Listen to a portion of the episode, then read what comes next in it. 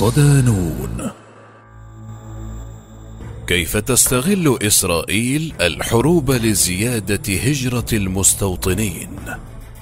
مقال لنداء بسومي. ضمن ملف القضية الفلسطينية. في بازل السويسرية عام 1897 كشف زعيم الصهيونية تيودور هيرتزل النقاب عن المخطط الصهيوني الذي حيك طويلا في أروقة السياسة لا سيما في الدول الأوروبية الشرقية. وبنى مخططه على أساس هجرة ضخمة لليهود إلى أرض يمكن لهم أن يعتبروها ملكا لهم. وهو ما مهد له في العام السابق لمؤتمر بازل حين أصدر كتابه دولة اليهود. على رؤية هيرتزل والحركة الصهيونية بدأت قيادات الحركة باستقدام اليهود من مناطق العالم المختلفة عازفين على وتر المذابح اليهودية التي كانت في أوجها حينها. وهو ما دفع هيرتزل نفسه إلى التوجه إلى كيشينف الروسية أو كيشناو عاصمة مولدوفا حاليا عام 1903 لإقناع عشرات آلاف اليهود بالهجرة من أوروبا إلى فلسطين وكان الشعب الذي يملك والذي حصل على ما لا يستحق. وخلال الحرب العالمية الثانية وصل إلى فلسطين نحو خمسة وخمسين ألف مستوطن حيث كان الأسطول البريطاني مكلفا بإرشاد سفن المستوطنين وإمدادهم بالماء والتموين والوقود وقيادتهم إلى السواحل الفلسطينية. إلى جانب ذلك دخل الأراضي المحتلة من المستوطنين بين عامي 1940 و 1948 نحو 120 ألف يهودي. ومع انتهاء فترة الانتداب البريطاني كان عدد اليهود قد وصل إلى 625 ألفا أي ما يقارب ثلث السكان في الأراضي الفلسطينية.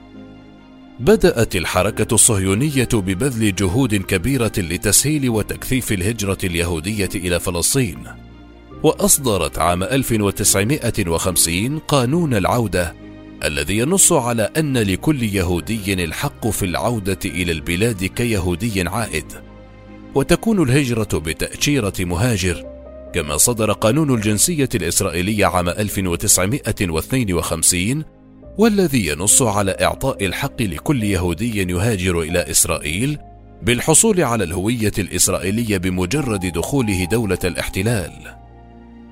الحرب الروسية الأوكرانية. إبراز مطامع الهجرة. مؤخرا مع اندلاع الحرب الروسية الأوكرانية قال رئيس وزراء الاحتلال نفتالي بينيت إن إسرائيل تتعهد بمد يد المساعدة في أي مساعدات إنسانية مطلوبة مشددا على أن كل يهودي ويهودية في كل مكان في العالم يعرفون تماما أننا ننتظرهم هنا وأن باب دولة إسرائيل مفتوح دائما. تبعه حديث لوزير خارجية الاحتلال يائير لبيد الذي أفصح عن وجود حوالي 180 الفا من اليهود الأوكرانيين يحق لهم الحصول على قانون العودة على حد قوله. فضلا عن ذلك يروي صحفيون فلسطينيون رأوا خلال تغطيتهم الحرب على حدود الدول المحيطة كبولندا عناصر إسرائيليين من الوكالة اليهودية تسأل المهاجرين الأوكرانيين إذا ما كانوا يهودا أم لا. وذلك لاستقطابهم إلى الأراضي المحتلة مستغلين المعركة الدائرة في موطنهم الأصلي. لا يقتصر الأمر على استغلال الحرب للهجرة بل كشفت صحيفة يدعو حرنوت نقلا عن قسم الاستيطان الإسرائيلي في المنطقة الصهيونية العالمية عن بدء تحرك لإنشاء ألف وحدة سكنية استيطانية جديدة لاستيعاب اليهود الفارين من أوكرانيا. وبحسب الصحيفة فإن الخطط رسمت قبل أسابيع من اندلاع الحرب. وبينما يشهد النقب احتجاجات ومحاولات تهجير وهدم بيوت تتضمن الخطة الاستيطانية مباني سكنية بمساحات مختلفة تتراوح بين 55 مترا و90 مترا. سيتم استخدامها كمجمعات لاستيعاب المهاجرين اليهود الجدد.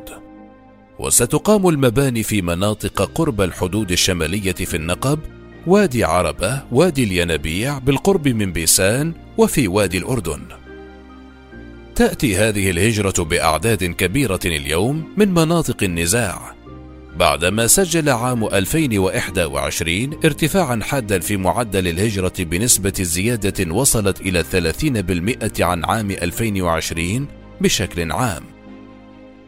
بعدما سجلت عام 2021 ارتفاعا حادا في معدل الهجرة بنسبة زيادة وصلت إلى 30% عن عام 2020 بشكل عام.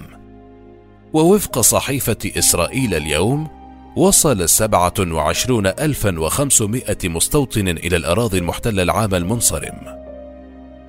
استقدام المستوطنين افتعال الأزمات لم تنتظر إسرائيل أن تحدث أزمات في العالم لاستقدام المستوطنين إلى الأراضي الفلسطينية المحتلة، بل بادرت هي إلى خلقها لإشعار اليهودي أن المنطقة التي يتواجد فيها غير آمنة عليه، ولا بد من الهجرة إلى المنطقة الأكثر أمنا مع من هم من جنس عقيدته إلى الأرض المسلوبة في فلسطين.